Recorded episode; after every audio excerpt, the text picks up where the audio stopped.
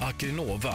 När du letar efter kontor, butik, industri eller lagerlokaler i Öresundsregionen. Gå in på akrinova.se. Och du, Akrinova stavas med C.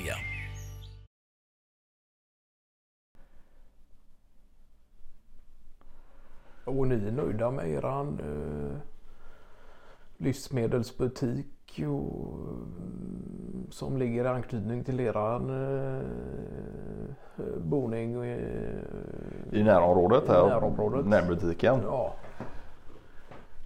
Jo men det är vi väl. Ehm. Sen är det kanske inte dit jag vänder mig om man åh, vid månadshandling och eller större veckohandlingar och sådär. Ja, nej. Men eh, ja, det är ju inte på grund av Brist på sortiment eller eh, delvis det kanske. Men å andra sidan kan jag tycka att när man är inne i de här mindre typerna av livsmedelsbutiker att de eh, försöker i alla fall ha ett så brett sortiment som möjligt på Ja, ja. Den lilla ytan som det ibland ändå kan vara. Jo, så är det ju. Och sen är det lite kul när man kommer ut så som vi bor i utkanten av stan och så. Så kan det hända att man stöter på lite lokala, att de har tagit in lite lo- lokala producenter. Och in, du tänker en livsmedels eh, där ja. Ja, ja. Att det dels är större Ja. producenter såklart. Men att det även finns ett sortiment. Just det. Ja,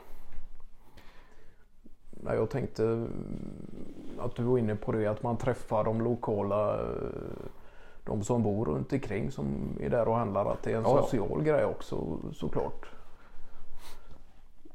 Men det är ju skoj när det finns den typen av anknytning till butikerna just att de har eh, möjlighet att leverera lokalproducerade. Ja. Är det någon särskild eh, produkt som kommer från just ert område som eh, kan det vara i form av någon eh, ost eller korv? Eller ost och korv är väl det Ja. vanligaste. Ja. Men sen är det ju lite skoj för livsmedelsbutiken som vi vanligtvis vänder oss till. Den ligger ju runt i anknytning till ett litet torg. Och där har du ju öppnat en viltbutik Jaha. som just säljer ja, vilt och, och sådär och lite ost och ja. Mm. Lite tonic och Ja, ja. sådär. Någon lokal cider och så det är ju lite Men det är ju klart, man har ju sett att det har varit allt vanligare på senare tid att den typen av butiker dyker upp lite här och varstans. Ja. eh, Med just inriktning på handel av vilt. Och det måste ju vara så lite också för om man ser tillbaks några år då var utvecklingen gärna sån att större matvarukedjor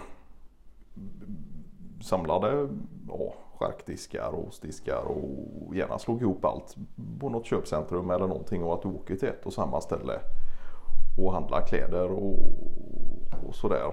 Men att det nu nästan börjar gå tillbaks lite och det öppnas små ja, butiker här och var och att folk blir mer intresserade av närlagat och närproducerat och sådär. Sen kan det väl vara fråga om tid också att man eh, av praktiska skäl eh, emellanåt kanske väljer att, att handla allt på ett ställe då. Eh, Men jag menar eh, kalkylerar man lite i schemat och, och hittar någon yta för den typen av handel emellanåt så är ju inte det Nej, nej. Så svårt att få till är det ju egentligen inte. Men det... Sen är det ju klart att vissa har väl en ekonomisk aspekt. att man just väljer att handla i större matvarubutiker Ja, just det. där en matkasse i genomsnitt är billigare än, än om du går till Ja, det är ju klart. närbutik. Det handlar ju om prislappen också så sett. Ja, ja. Så är det ju. Men jag tror som du var inne på där ändå att det börjar bli en allt större medvetenhet just när det kommer till val av varor och kanske framförallt då livsmedel. Sen kan man ju inte spisa vilt varje dag men Nej, nej. att det Men alternativet finns. Ja. eh, Och då kan man göra så att man, om det är prislappen handlar om att du äter ja, lite billigare två dagar i veckan. Och en dag i veckan äter vilt.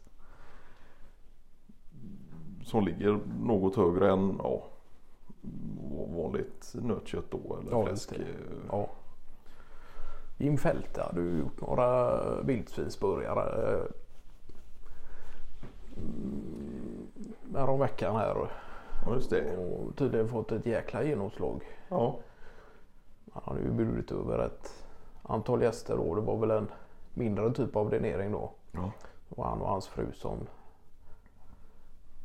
slog till på lite enklare fiesta. Men då hade han gjort ju just handlat eh, viltköttet från en eh, mindre butik och, och tillagat det med något recept han hade hittat från eh, nätet då. Ja just det och det var någon Han hade gjort lite olika varianter. Någon lite Någon chili Någon lite hetare variant och någon Ja just det. med Och- ost och Ja precis. karamelliserad. Vad sa du? Ja, någon smält chèvre ovanpå den här Ja. ja. vildsvinsburgaren då som tydligen eh, hade fått bra betyg. Detta var ju enligt Jim Fälter själv då. Men han har gjort en hel omvändning där faktiskt. Han sa ju nej till allt som hette vilt innan och, och, och bara för några, ja, ett år sedan tillbaka kanske eh, ja, ändå försöker handla det två gånger i, i månaden. eh, Sådär och Ja. se. Och skär ner på övrig köttkonsumtion då. Ja. Ja, i den bemärkelsen att i- hans egna matlagning. Ja, ja. Sen lunchar ju han och, och, och, och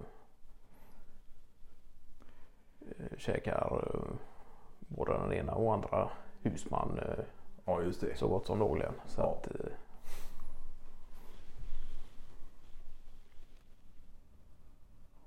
vad är det annars för favorit som dukas fram på bordet när det kommer just till viltkött?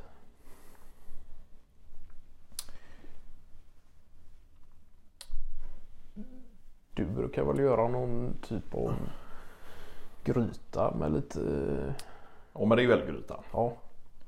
Och den brukar du göra. Ja, du, du har väl inte lika fast datum som övriga bekanta kan ha när det kommer till olika måltider och, och traditioner. Men du brukar väl ändå se till att hålla den där någon gång i runt i, kring november. Ja ja. Ja. Efter jakt och Ja precis och när betorna är som finast och lite säsongs... ja, ja. Sen slänger jag gärna med lite svamp och sådär. Och det är ju väl ja, aningen sent om man en- enbart ska hålla sig till säsongsgrödor och sådär. Men, Ja, det är klart. men sen tycker jag det är lite skoj också med vildfångad fisk. Ja, Och då äter jag gärna röding. ja, ja. Men det är ju mer sällan. Dels, ja, Det är ju något jag tycker är så förbannat uh, jäkla gott egentligen. Ju just röding. röding med, med lingonsylt till då. Okej. Eh, och eh, någon liten typ kokt. till det. Och, och diverse grönsaker på det. Eh, Tycker jag kan vara rätt enkelt och, och fantastiskt gott.